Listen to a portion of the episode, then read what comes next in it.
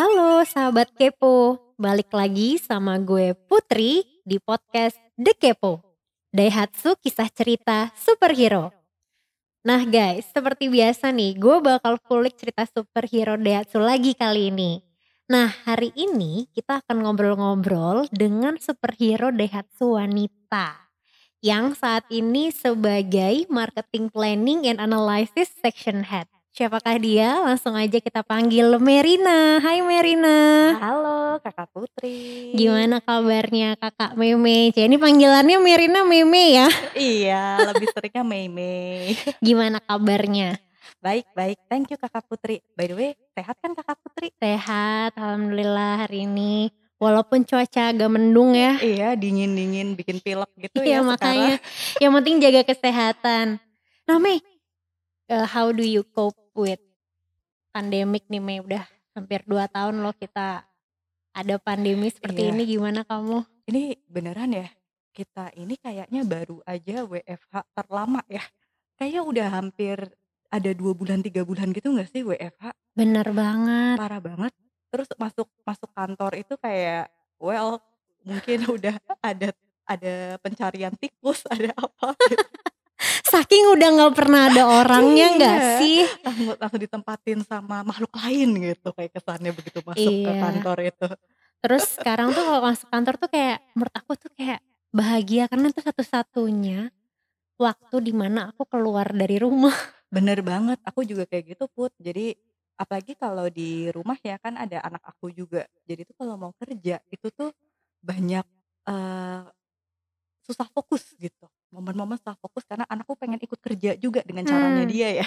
Iya iya. Jadinya wah aduh pusing banget biasanya kalau WFH itu begitu sampai akhirnya boleh tuh dibuka kantor 25% itu cukup melegakan sih. Akhirnya aku bisa balik kembali ke kantor fokus bekerja, berkarya gitu.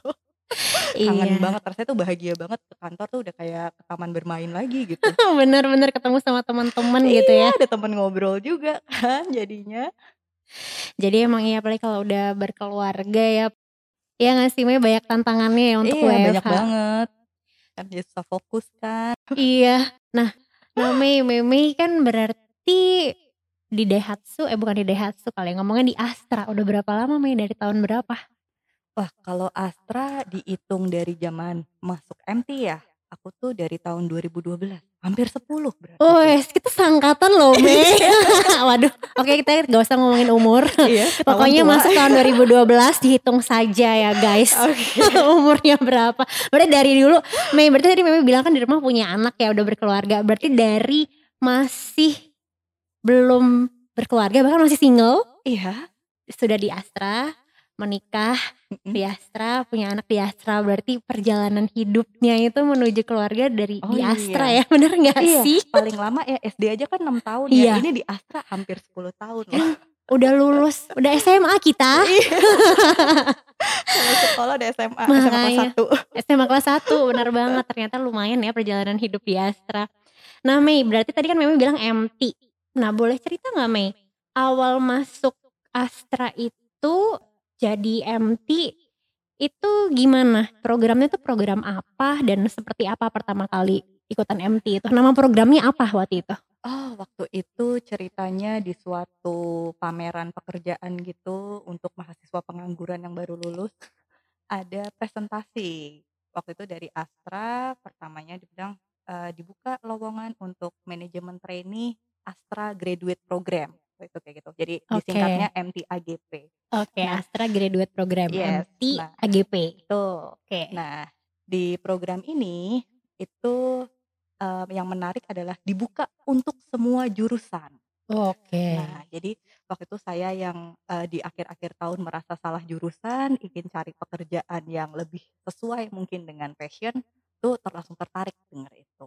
Jadi ini MT yang dibuka untuk seluruh fresh graduate dari jurusan apa pun dengan masa eh, percobaan tanda kutip testing itu dua tahun dan Hmm. kontrak tiga tahun. Jadi total programnya ini lima tahun. oke Nah, di program ini itu anak-anak MT-nya diberikan kesempatan untuk diputar ke beberapa perusahaan Astra dari lini bisnis yang berbeda dan juga diputar ke fungsi-fungsi yang berbeda. Waktu itu ada tiga fungsi utama. Marketing, finance, sama HR. Oke. Gitu. Nah, Mei, tadi kan berarti 2 tahun lulus nih ya Iya. testing-nya, berarti kan masuk ke 3 tahun, Ya. eee, selanjutnya untuk, Mhm. eee, AGP. Nah itu gimana Mei 3 tahunnya itu? Nah, 3 tahun itu saya sudah mulai penempatan di Astra Daihatsu. Oke, jadi langsung ditempatkan nih di Astra Daihatsu. Iya. Namun masih, eee, dalam percobaan MT ya ngomongnya Masih berarti? program MT. Jadi Oh, total oke. program MT itu 5 tahun, 2 tahun itu yang sidang terus Mhm seperti itu, mhm. dan yang 3 tahun berikutnya itu penempatan gitu. Jadi masih dalam program MT. Oke. Nah Mei, eee, sebelum aku pengen tanya lebih lanjut nih tentang pengalaman di Astra Daihatsu karena sampai sekarang kan Mei berkarirnya di Astra Daihatsu ya. Iya, betul. Nah dalam masa tadi dari testing kemudian Mei akhirnya penempatan di Astra Daihatsu dan 3 tahun menjalani program MT, sekarang kan udah lepas ya dari MT. Itu ada tantangan terbesar apa, Mhm. menurut Mei yang Mei rasakan selama menjalani program MT tersebut? Nah, ini ya Kakak Putri, tadi kan, eee, saya udah jelaskan ya kalau di MT ini kita tuh diputar ke 3 perusahaan, ke 3 fungsi. Nah, Oke. di setiap perusahaan itu punya culture-nya masing-masing. Terus juga di fungsi masing-masing itu biasa karakter orangnya juga beda-beda. Mmm, iya. Nah, jadi di situ, eee, diperlukan kemampuan beradaptasi, mau berkenalan, mau menyamakan frekuensi dengan orang sekitar, supaya project kita bisa selesai sesuai deadline gitu kan. Kita setiap 3 sampai 4 bulan kan ada ujian tuh, itu project harus selesai, Mmm. seperti itu. Di mana tidak semua orang bisa menerima kita. Oke. Gitu. Jadi kita yang harus, eee, membuka diri untuk, eee, menyamakan frekuensi, untuk mencoba beradaptasi, mencoba approach terlebih dahulu, membangun kepercayaan karena kita yang dalam waktu itu statusnya lebih butuh. Eee, dibandingkan mereka yang mendekatkan diri ke kita. Nah, terus yang kedua juga, eee, bagaimana kita bisa menerima kalau kita ditolak. Tidak Mmm. semua orang loh mau bekerja sama dengan anak MT.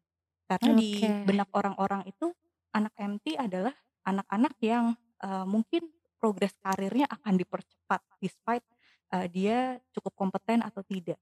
Jadi banyak orang yang, eee, tidak mau membantu.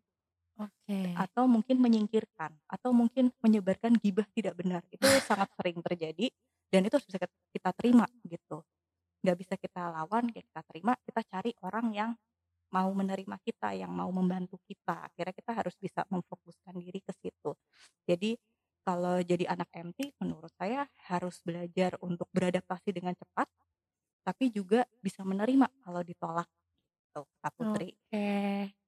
Dan pantang menyerah tadi ya Iya. untuk cari alternatif lain kalau nggak dapet di sini gitu ya. Gagal satu, cari yang lain. Ditutup satu, buka yang lain. Harus kayak gitu kalau mau lulus ya. Bener bener. Sama kayak nyari ini ya, pacar ya. Oh. Ditolak jangan menyerah gitu ya, tetap kita cari yang lain. Nah Mei, sekarang nih kalau misalnya yang denger ini ada teman-teman yang mau jadi MT gitu ya di perusahaan. Apa sih kompetensi yang menurut Mei sebagai Oke. mantan anak MT yang diperlukan supaya bisa jadi anak MT? Cuma satu, mau belajar.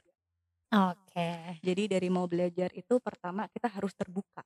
Terbuka itu terbuka untuk menerima masukan dari orang lain, terbuka untuk menerima pengalaman dari orang lain. Seperti itu. Terus juga mau terbuka terutama terhadap kritik ya. Karena kan namanya Mmm. kita fresh grad, terus udah gitu juga dikasih deadline harus harus, eee, selesai cepat, itu kan pasti kan ada banyak penyesuaian yang perlu kita lakukan, mungkin dibandingkan orang lain kita harus bisa bergerak lebih cepat. Nah, itu kita harus terbuka sama kritik orang lain, ini kita eee, harus seperti apa sih mengembangkannya, harus seperti apa sih bergeraknya yang tidak merugikan kiri kanan juga ya, untuk Mmm. menyelesaikan project itu. Jadinya ada orang, eee, kritik itu support sebenarnya. Supaya kita bisa menyelesaikan project itu. Terus, eee, yang kedua mungkin kita juga harus kalaupun orang nggak percaya sama kita, kita yang harus kasih, eee, percaya ke orang duluan. Jadi walaupun orang itu misalkan tanda kutip "tidak suka", kita tetap harus belajar menyukai mereka dari sisi yang lain. Jadi dengan kita menanamkan sik sikap positif ke orang yang even tidak suka sama kita, Hmm. biasanya sih lama-lama luluh juga. Ya. Lama-lama akan mau membantu juga.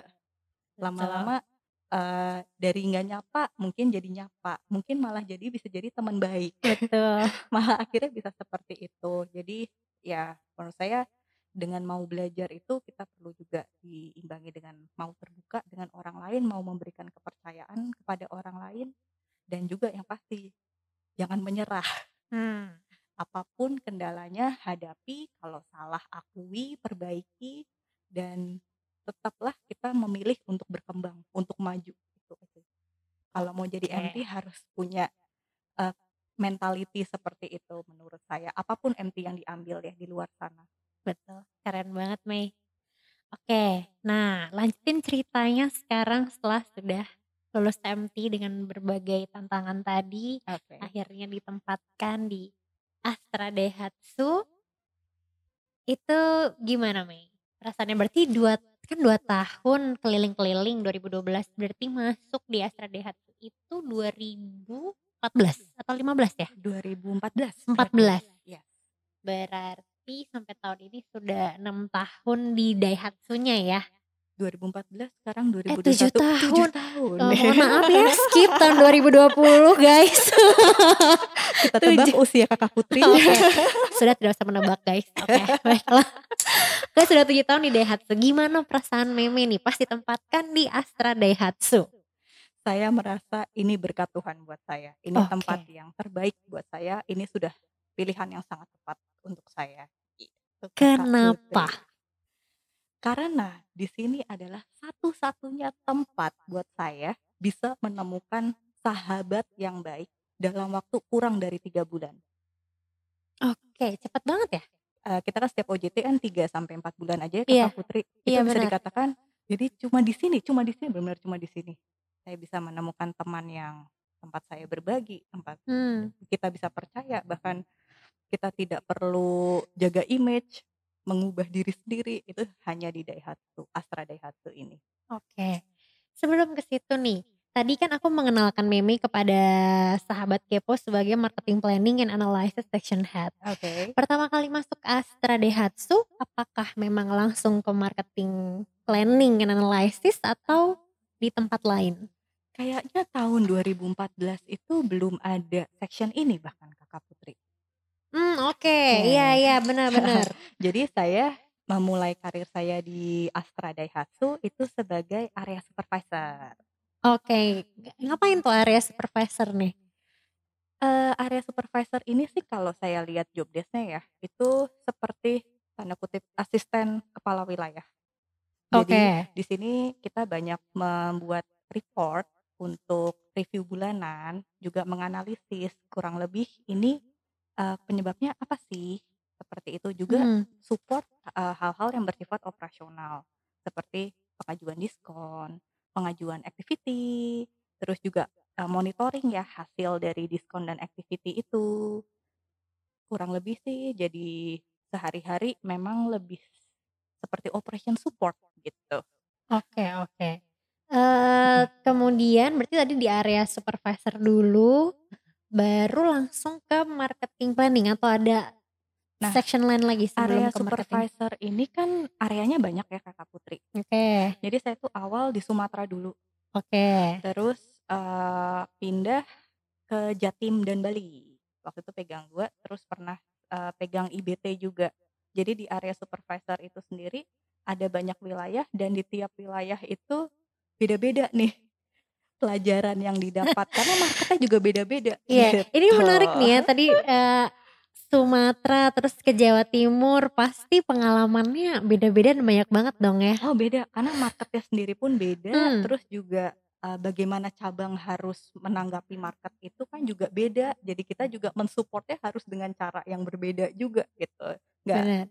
nggak sama lah antara wilayah yang satu dengan wilayah yang lain. Jadi itu benar-benar pengalaman yang membuka wawasan ya walaupun kelihatannya sama-sama area supervisor, Hmm. tapi ternyata dengan perbedaan wilayah aja tuh kita banyak dapat variasi gitu. Iya bener. Karena beda orang, jadi orang yang dihadapi Betul. wataknya beda. Sama mungkin Betul. program market marketing tadi kan juga ngurusin hal itu juga beda ya setiap Iya, marketnya bener ya. betul. Dan sekarang kan mungkin pandemi kita nggak bisa ke mana-mana. Berarti dulu nih sebelum pandemi eh Meme ada saya kan di Sumatera. Ada nggak berarti kan pergi ke Sumatera gitu Oh iya untuk demi meeting. Iya Demi kan? meeting, iya sebulan sekali biasanya, eee, kita dinas kalau Sumatera tuh paling sering ke Batam. Kenapa Mmm, Batam? Karena uh, enak posisinya di tengah. Enggak Kakak Putri, jadi karena posisinya karena di Karena di tengah, tengah jadi ya. murah antara yang dari Oh iya bener utara Medan ke Batam murah, dari yang Iya. Palembang ke Batam juga murah, gitu.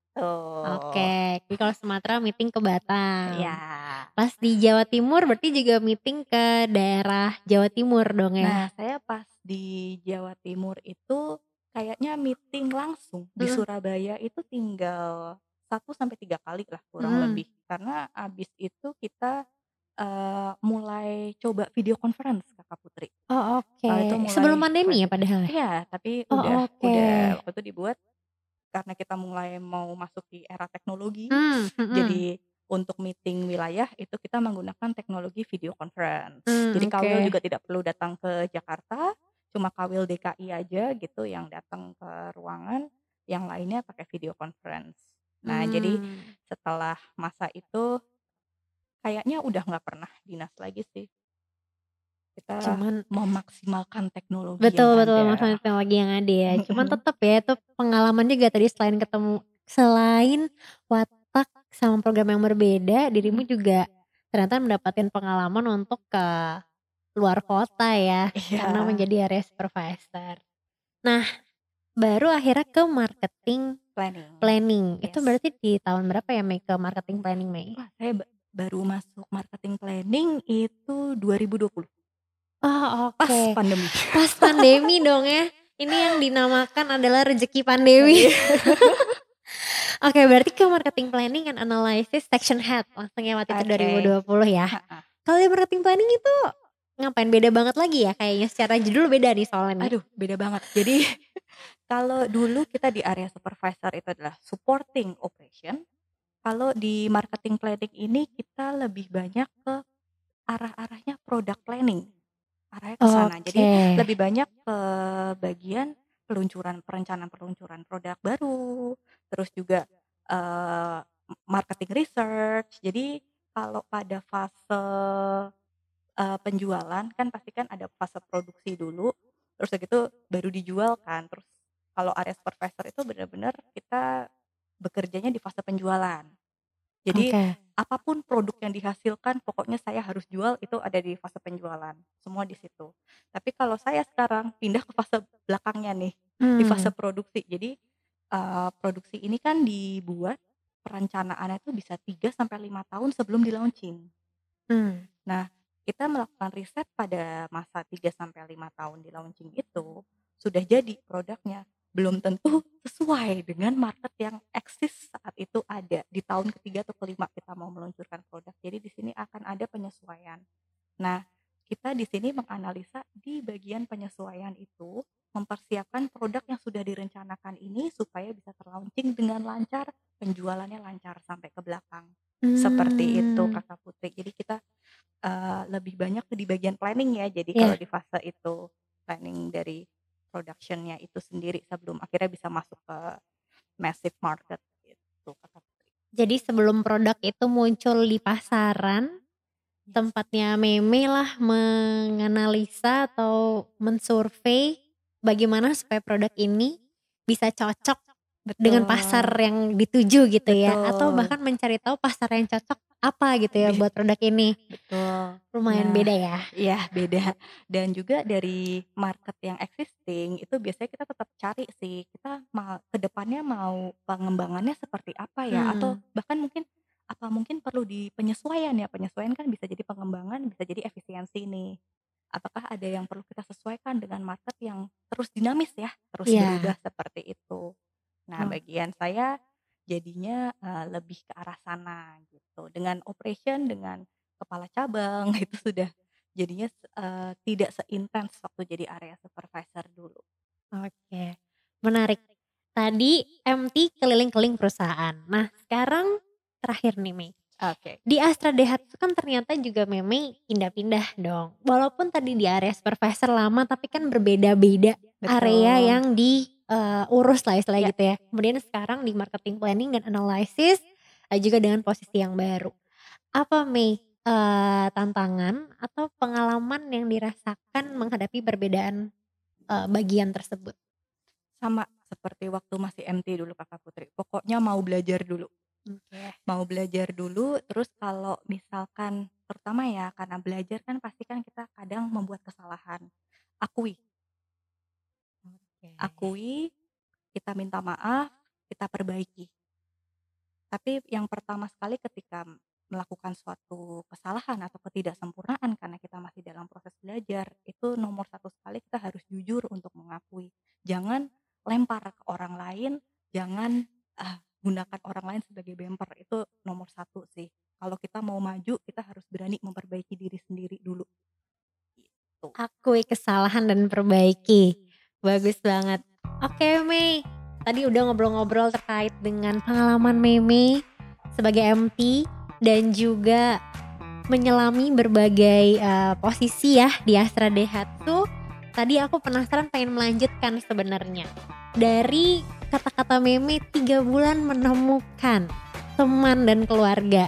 Cuman sebelum itu aku pengen rangkum dulu nih tentang bagaimana sih eh, Meme menjalani MT dan Astra Daihatsu ini berkesan banget. Tadi aku udah catat ada 5 6 hal bahkan yang harus dimiliki eh, supaya kita bisa menjadi MT dan tentunya eh, berkarir dengan baik di Astra Daihatsu.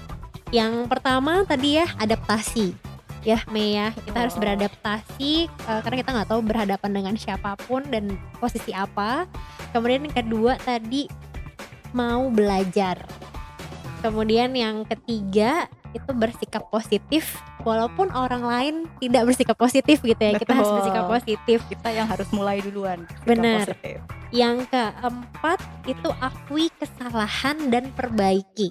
Betul. Jangan lempar tapi kita akui supaya kita bisa perbaiki gitu ya. Kemudian eh, yang kelima itu mau berkembang dan yang terakhir jangan menyerah.